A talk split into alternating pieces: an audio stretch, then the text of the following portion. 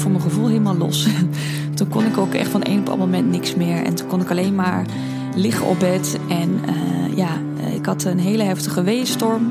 Waar ook helemaal geen tijd tussen de weeën zat.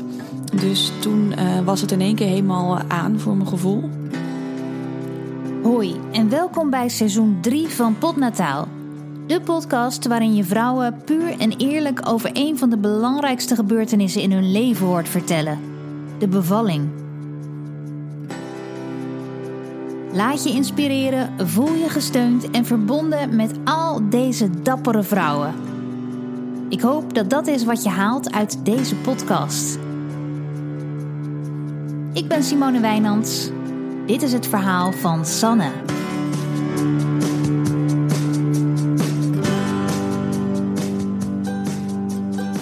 Uh, ik ben Sanne Hekman. Ik ben 34 eh, jaar. Ik woon in Utrecht samen met mijn man Peter en onze dochter Lena. En zij wordt in juni 5 eh, jaar. En ik werk freelance als communicatieadviseur. Ik ben bevallen op 28 juni 2014. Sanne is een van mijn lieve vriendinnen die ik nog ken van de opleiding journalistiek, waar we ooit allebei op zaten. En mocht je het geloof in de liefde kwijt zijn, Sanne is al sinds haar vijftiende samen met Peter en nog steeds net zo gelukkig. Het kan dus echt. Maar goed, daar hebben we het hier niet over. We hebben het over de geboorte van haar andere grote liefde. Nou, dat was eigenlijk eh, best wel heel abrupt, mijn bevalling. Um, ik was op dat moment 35 weken en drie dagen zwanger. Dus ik was eigenlijk nog helemaal niet bezig met een bevalling.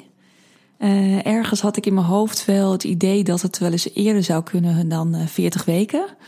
Ik dacht altijd, um, nou, dat was heel erg een gevoel dat ik dacht, ik ga denk ik eerder bevallen dan, uh, dan die 40 weken. En dat had ook al mee te maken dat ik zelf vier weken te vroeg ben geboren en altijd het idee had van, het kan wel eens zijn dat dat, dat zich herhaalt. Maar ik was die week nog bij de verloskundige geweest en die zei: nee, dat gevoel uh, mag je parkeren, want uh, je kindje is nog niet ingedaald en uh, niks lijkt erop dat dat vroeger gaat gebeuren. Dus ik had dat inderdaad ook alweer een beetje geparkeerd. Maar die bewuste vrijdagavond was ik bij mijn ouders op visite en ik ging zelfs slapen daar. En ik ging niets vermoedend naar bed. Mijn man was op dat moment in Amsterdam. Dus ik was helemaal niet met een bevalling bezig. Ik voelde ook niks. Ik ging gewoon lekker een uur of twaalf naar bed. En een half uur later dacht ik, nou, toch nog even naar de wc. Nou, je kent het, hè. Zo in het eind van je zwangerschap uh, ga je heel vaak naar het toilet. Dus ik stond op en uh, daar braken mijn vliezen. Dus echt uit het niets uh, begon het in één keer ook heel echt. Sanne weet niet wat haar overkomt. Haar vliezen breken zoals in de film. Ik voelde ook echt plons en het was... Nou, ik had meteen mijn hele pyjamabroek nat, dus er was eigenlijk geen twijfel mogelijk. Voelde echt uh, het kindje, ik wist nog niet of ik een zoontje of een dochter kreeg, dus ik voelde echt het kindje echt ook zakken, indalen. Dus ik dacht ook meteen van ja, dit is begonnen. En het gekke was dat ik die slaapkamer niet zo heel goed ken waar ik sliep. Want ik heb daar zelf nooit gewoond. Dus ik kon me ook niet oriënteren. Ik kon geen lichtknopje vinden. Dus het was echt even een beetje paniek. En toen mijn moeder geroepen. Heel erg, ja, ook heel natuurlijke reactie eigenlijk. Dat je dan je moeder roept. En die kwam eraan, uh, ja, gestoven eigenlijk. Die hoorde wel aan mijn stem dat, het, uh, dat er iets aan de hand was. En met haar ja, naar het toilet gelopen, daar gaan zitten. En toen dacht ik al van ja, dit, dit is echt, het gaat beginnen. En hoe voelde je toen? Was je in, was je meteen, was je in paniek? Was je rustig? Nee, ik was eigenlijk best wel heel erg rustig. Ik denk dat ik bijna um, ja, in shock wil ik het niet noemen, maar het was bijna alsof het niet echt was. Dus ik, uh, daardoor bleef ik soort van heel rustig en kalm. En ook kon ik ook heel goed nadenken van oké, ik ga nu eerst mijn verloskundige bellen in Amsterdam. Uh, ondanks dat ik wist dat hij 120 kilometer verder was, want mijn ouders wonen in Twente. Dus ik was echt een heel eind van huis. Ik dacht meteen, haar ga ik bellen. En zij stelde mij ook gerust. En uh, zei ook meteen van, goh, ik ga nu een verloskundige daar regelen, dicht bij jou. Dus die komt er ieder moment aan. Dus dat gaf eigenlijk meteen wel veel rust. En toen heb ik mijn man gebeld, want die was dus inderdaad nog 120 kilometer verderop. En die was net terug uit de kroeg. Het was denk ik inmiddels één uur s'nachts. En die had toch ook wel een, uh, nou, een bolletje op. Maar goed, hij hoorde mij aan de telefoon en ik zei: Schat, uh, ik denk dat je hier naartoe moet komen, want de bevalling is begonnen. Hij kon bijna niet geloven, maar ze was wel ehm, ja, meteen nuchter. dus ik was wat dat betreft heel rustig. En ik kon heel goed bekijken van, goh, ehm, nou, even kijken welke stappen ik moet nemen. En eigenlijk, uh, ja, voor mijn gevoel, werd ik tien minuten later ook al gebeld door een verloskundige. Van ik kom er nu aan, blijf maar rustig zitten. En um, ja, ik denk dat zij twintig minuten later arriveerde. Dat was een verloskundige die ze dan daar hadden opgetrommeld. Ja, of hoe gaat dat dan? Ja, ik denk dat er een soort bestand is waar verloskundigen gewoon kijken van in welke plaats bevind je je en wie heeft daar uh, ter plekke dienst. Uh, dus die stond zo voor de bel en uh, ja, ik kende haar natuurlijk niet. Maar goed, daar geef je je op dat moment ook aan over. En wat ik me heel goed herinner, dat is dat zij uh, meteen luisterde of ze het hartje goed hoorde. En dat hoorden ze meteen. En toen was ik oké. Toen dacht ik, oké, nu geef ik me over aan alles wat er uh, gaat komen. Mijn vader was nog het meest in paniek. Die liep echt met hele grote pupillen over de overloop. En dat kan ik me heel goed herinneren. Dat ik de paniek bij hem zag en toen even dacht van... oeh, is er paniek? Maar dat ik toen ook alweer bij mezelf bleef. Van nee, het, ja, het, het, is gewoon goed. En ik had um, ook geen moment dat ik eigenlijk dacht van... mijn kindje is nog maar 35 weken uh, oud. Ik dacht ook meteen, oké, dat uh, komt allemaal wel goed. En kennelijk wil hij of zij komen nu. Of het nu komt door de schrik of niet, Sanne blijft uitermate kalm en laat alles rustig over zich heen komen. De verloskundige die met spoed is opgetrommeld constateert dat de bevalling echt is begonnen en Sanne al ontsluiting heeft. Ze moeten naar het ziekenhuis. Ze belde ook een ambulance. Ze zei: We gaan met de ambulance nu naar het ziekenhuis. Omdat ik toch al wat uh, in mijn onderrug voelde. En uh, ja, dat kan dan toch al een beetje de, de, beginnende weeën zijn. Dus ze nam ook geen enkel risico en zei ook: We gaan nu naar het ziekenhuis. In de ambulance, mijn moeder mocht mee. Uh, mijn vader erachteraan. Echt geflitst onderweg, zoals het hoort in het verhaal. dus uh, nee, dat ging eigenlijk. Ehm, ja, het ging snel, maar ook wel weer, ja, wel weer prima. Ook in de ambulance zelf was ik wel ontspannen. Ik vond het wel heel spannend. Ik wel dacht van ja, wat gaat er nu gebeuren?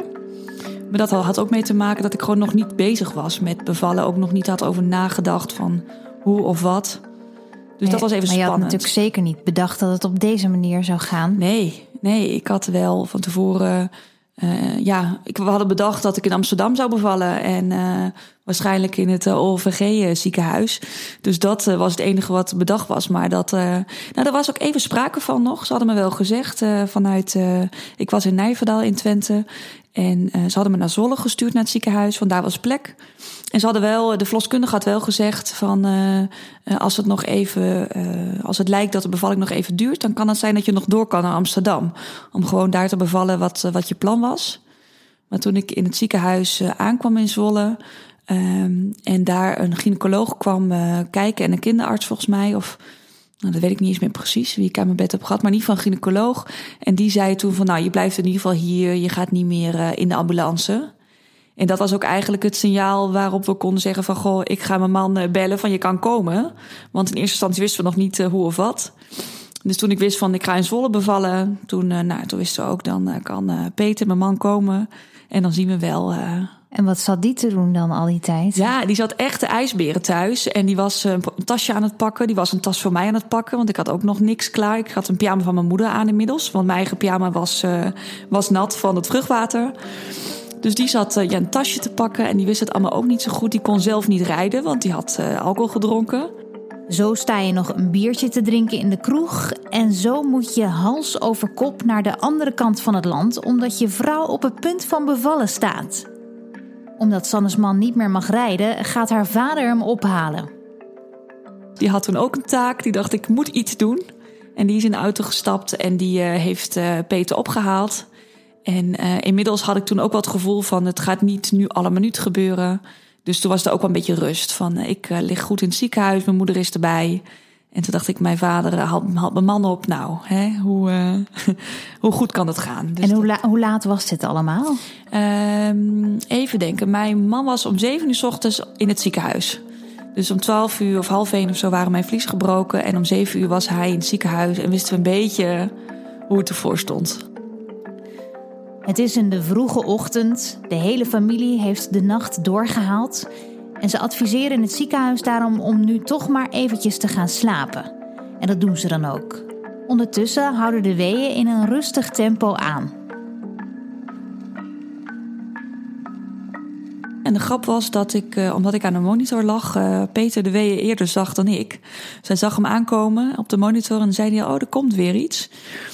Maar dat was heel minimaal en dat was allemaal heel goed te doen. Dus het was uh, prima. Ik kon wel een beetje liggen en rustig slapen. En ja, we zagen de hartslag van het kindje.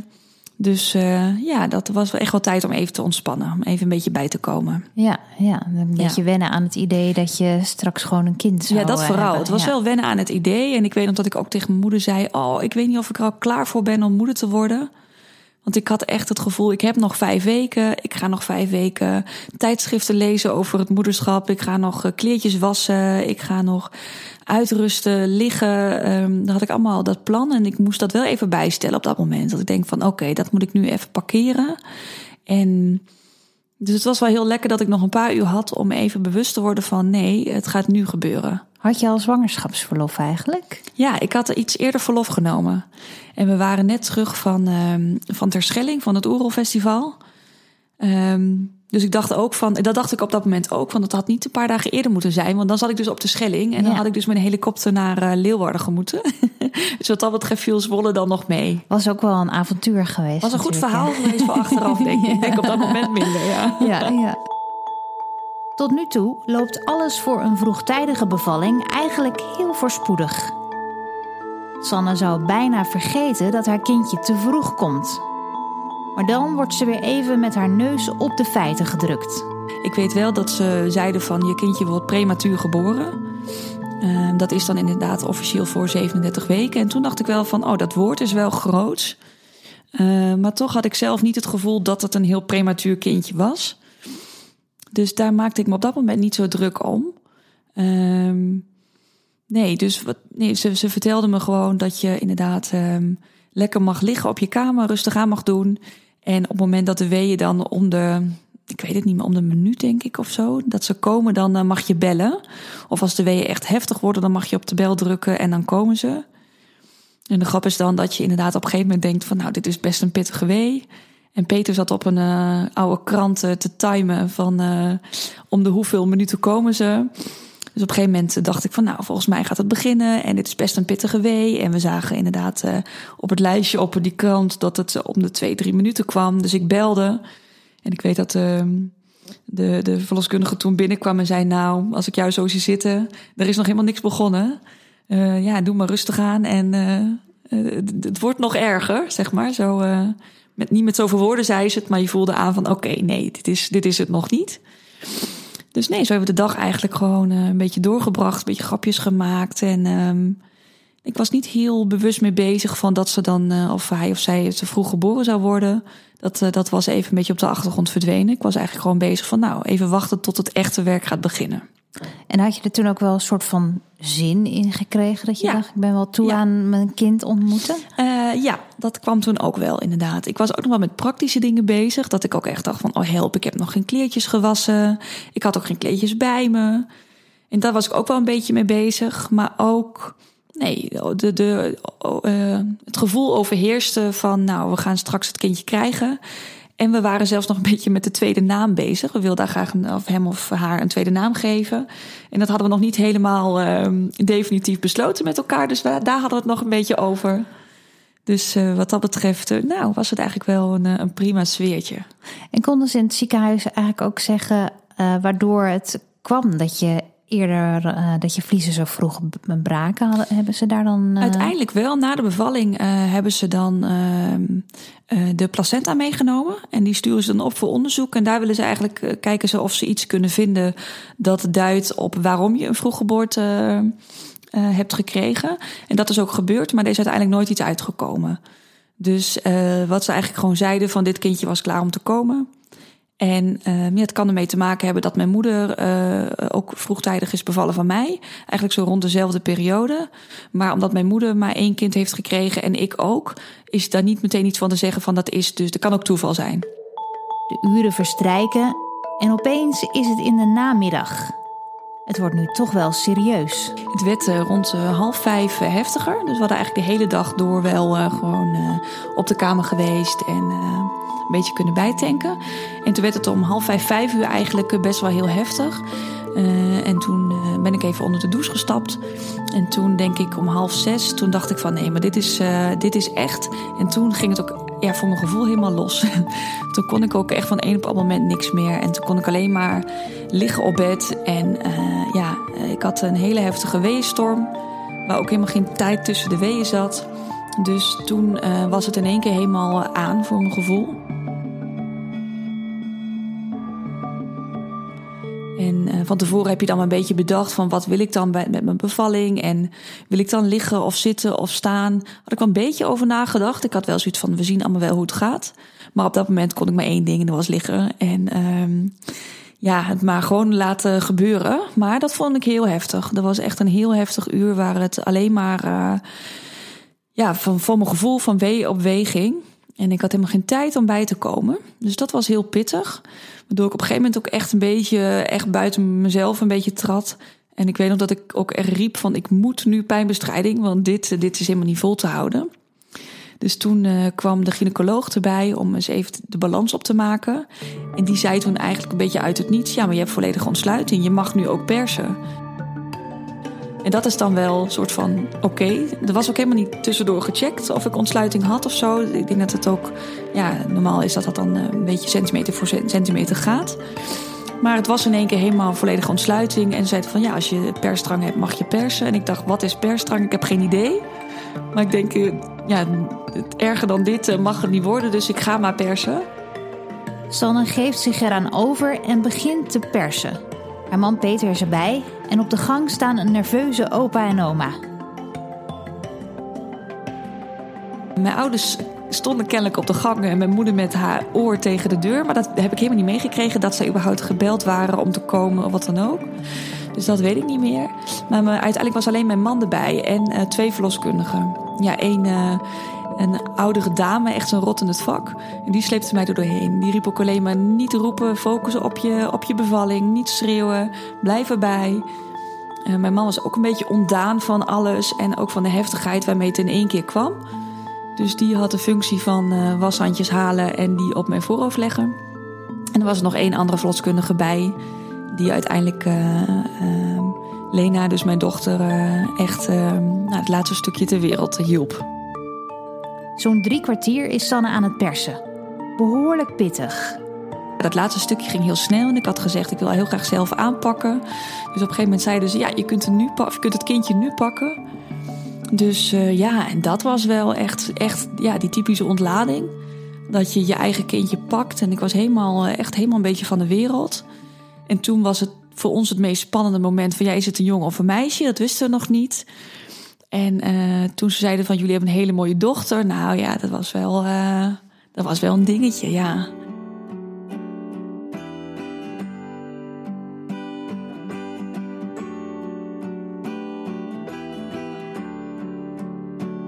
Ja, ik had zelf tijdens mijn zwangerschap nooit een voorkeur voor of het een jongen of een meisje zou zijn. Ik dacht als het maar gezond is. Maar toen ik dat hoorde van het is een dochter, dacht ik wel yes. Ja, toch wel. Wat grappig, hè? Ja. ja. En waar, waarom wilde je het niet weten van tevoren? Nee, we vonden het heel leuk om het op dat moment zelf uh, uh, te horen en te zien. Ja, dat heeft, doet bijna niemand meer nee. tegenwoordig. Nee, nee, nee, ik vond het heel leuk. Ik vond het een heel leuk moment. En uh, ja, toch ook wel de spanning vooraf dat je het niet weet. En ja, nee, ik zou het zo weer op deze manier doen. Hoewel ze van tevoren niet per se een voorgevoel voor een jongen of meisje hadden, voelde het toch heel logisch om nu haar dochter in haar armen te hebben. En toen dacht ik ook, ja, dat kon ook niet anders, dacht ik toen. Voelde, ja. ja voelde het meteen uh, ja. logisch? Ja, ja, toch wel. En ook de meisjesnaam was ook de naam waar we eigenlijk uh, zo'n beetje drie dagen na de test al uit waren. Van dat moest Lena worden. Jongensnaam vonden we dan wat ingewikkelder. En tijdens de 20 weken echo um, was een heel bewegelijk kindje. Toen dacht ik meteen van, oh, dat past heel erg bij een meisje. Dus ik denk dat ik onderbewust uh, al wel een beetje, ja, toch iets meer, uh, mijn gevoel iets meer uitging naar dat het wel eens een meisje kon zijn. Maar ehm, nee, ja, toen dat eenmaal zo bleek, ja, dat is dan je kind. En dat is ze dan. Dus dat is helemaal, ja, dat was helemaal geweldig. Ik was heel emotioneel door alles, maar ook meteen dat ik dacht van ja, jij bent het. Ik herkende haar ook meteen. Ik zag haar gezichtje en toen dacht ik ja, tuurlijk. je van tevoren probeert te bedenken hoe zal mijn kind eruit zien. En toen dacht ik ja, natuurlijk zo. Het kan me alleen maar, uh, ze kan er alleen maar zo uitzien. Ja, een beetje van mezelf, een beetje van Peter. Het was helemaal, het klopte helemaal.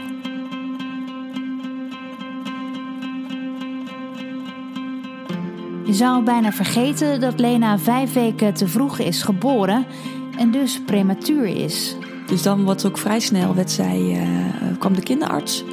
Die is dan eigenlijk tussen meerdere bevallingen tegelijk loopt hij op de gang heen en weer. Dus die kwam uh, ook bij ons en uh, ik had haar lekker even op de borst gehad en ook even kunnen aanleggen. maar na een half uurtje werd ze dan wel, ja, wordt ze meegenomen ehm, de kinderarts doet ter plekke eigenlijk de eerste check en dat zag er allemaal goed uit. En een half uurtje werd ze wel meegenomen naar de afdeling uh, neonatologie. Voor uh, ja, wat verder onderzoek en ook um, om even in de couveuse te gaan. Hoe zag ze eruit? Was ze ook echt wel. Uh, ja, ik bedoel, je hebt geen vergelijkingsmateriaal misschien, maar je hebt vast ook wel baby's gezien die voldragen zijn. Ja. Maar was zij anders? Nee, nee, ze woog 2800 gram. Dus dat is ook best wel flink voor een kindje van 35 weken. Ik denk dat als ik haar voldragen had, dat het een pittige klus was geweest. Nee, dus ze was wat dat betreft, um, was ze gewoon klein en fijn. Maar uh, ze, had, ze had bijvoorbeeld nog wat haartjes op haar schouders en op haar rug. Echt dat donshaar, dat was nog een beetje. En haar huid was wel een klein beetje doorzichtig. Maar verder was het echt. Uh, nee, zag je niet dat het prematuur geboren was. En dat viel me ook eigenlijk later op toen ik op de afdeling kwam. Want zij lag op een afdeling waar wel twaalf kindjes lagen. Um, en dan zie je ook wel dat echte premature, dat zie je soms een beetje, hè? Dat het dat smaller kopje en dat soort dingen. Uh, en dat had zij niet. Dus wat dat betreft um, denk ik ook echt wel dat ze een soort van klaar was en af was om, uh, om te komen.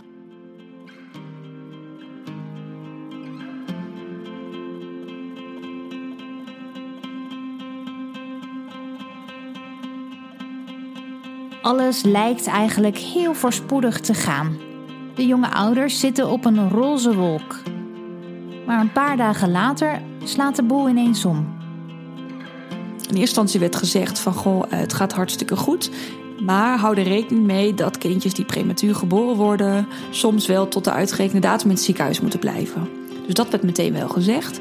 Maar we zagen ook dat het eigenlijk meteen heel goed ging. En uh, ik wist ook al vrij snel dat ik als moeder uh, na drie dagen werd ontslagen uit het ziekenhuis. Dat is hoe ze het in Zolle doen. Um, en toen dacht ik, oké, dus zij gaat dan gewoon mee. Zo zag het er ook wel naar uit. Maar ik denk na twee dagen dat zij ademdips kreeg. En dat zie je inderdaad dus wel veel bij kindjes die prematuur worden geboren. Dat ze af en toe vergeten te ademen. Um, en dat is best wel, uh, ja, dat was heel spannend. Want dan dan zie je op de monitor, zie je dat, dat ze stopt met, uh, even stopt met ademen. En je ziet het iets in de kleur van haar gezicht en haar lijfje.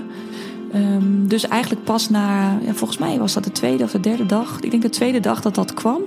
Dat je dan in één keer denkt van, oh ja, maar ze is dus wel een vroeggeboren kindje. En ze ziet er helemaal goed uit. En um, het ging ook allemaal goed. Ze dronk goed, ze kon goed happen al. Maar toen in één keer dacht ik wel van, oh ja, het is niet helemaal zoals het uh, normaal, um, normaal gaat.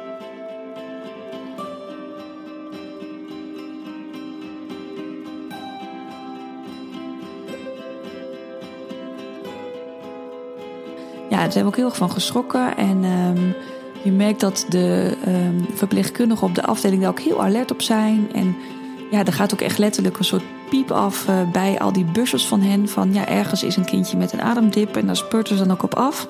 Dus dat was best wel eng. En daar, uh, nou, daar werd ik ook wel angstig van.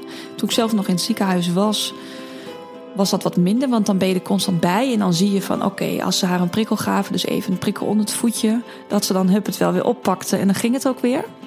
Maar op een gegeven moment wist ik ook van ja, maar ik ga morgen naar huis. Zij blijft hier, dan ben ik er niet meer 24 uur bij. En toen dacht ik wel van ja, maar dat is wel, uh, wel even andere koek. En dat was, uh, ja, dat, dat hakte er best wel heel erg in. Maar hoe, uh, hoe, ja, hoe, hoe gaat het dan? Je, je kunt er toch niet weg, zou je denken? Nee, ja, zo dacht ik ook. Toen dacht ik ook, het ga, ik ga toch niet weg. Maar zo werkt het in de praktijk wel. Ja, daar tenminste wel. Ik werd ontslagen, zij moest blijven. En er werd ons ook meteen gezegd, zij mag pas naar huis op het moment dat ze 48 uur geen ademdips heeft gehad. Ja, en wat kan je dan doen? Ja, maar uh, af en toe toch naar huis. Bijvoorbeeld in ieder geval slapen deden we dan bij mijn ouders, omdat die dichter bij het ziekenhuis woonden. Um, dus we gingen inderdaad om te slapen, gingen wij um, naar, uh, naar huis van mijn ouders, naar het huis van mijn ouders.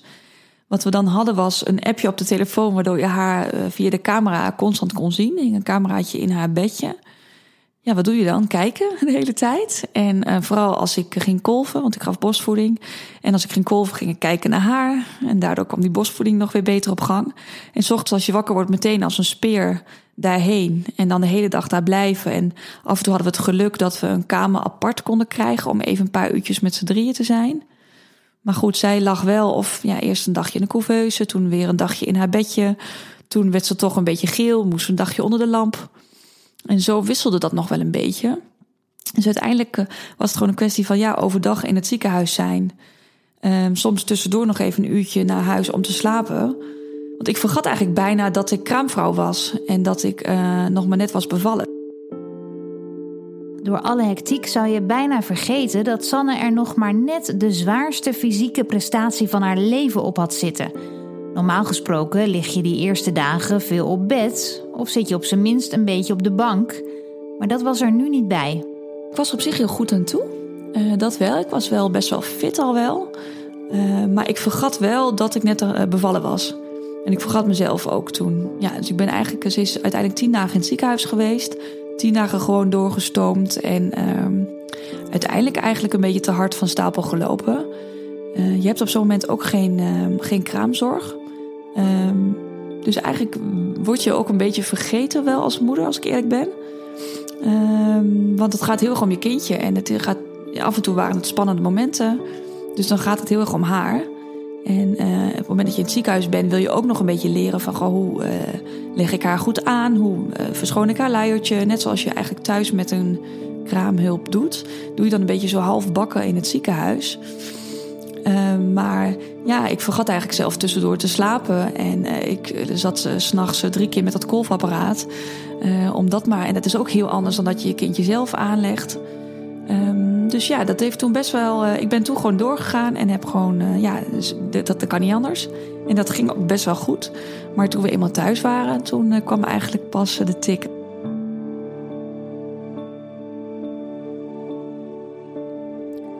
Thuis is er pas ruimte om te laten indalen wat er nou is gebeurd. Sanne gaat malen. Had ze meer op haar strepen moeten gaan staan in het ziekenhuis? Terwijl als ik er nu op terugdenk, denk ik van ja, maar ik had gewoon stennis moeten maken. Ik had gewoon moeten zeggen ik blijf en ik ga niet weg. Maar je gaat een beetje mee in de sneltreinvaart waar je in zit. En je bent eigenlijk voornamelijk bezig met, is mijn kindje gezond? Gaat het goed? Um, dus dan doe je maar een beetje zoals het gaat. Maar dat heeft wel heel veel indruk gemaakt. En ik heb daar ook wel later, um, ik ben er heel emotioneel onder geweest. Wel, wel een jaar lang, denk ik. Dat op het moment dat ik aan het ziekenhuis dacht, dacht ik alleen maar aan het moment van dat wij s'avonds weggingen en zij daar nog lag. Um, uiteindelijk heb ik daar ook wel echt professioneel met iemand over moeten praten. Om dat even, ja, ook um, een ander soort plekje te geven.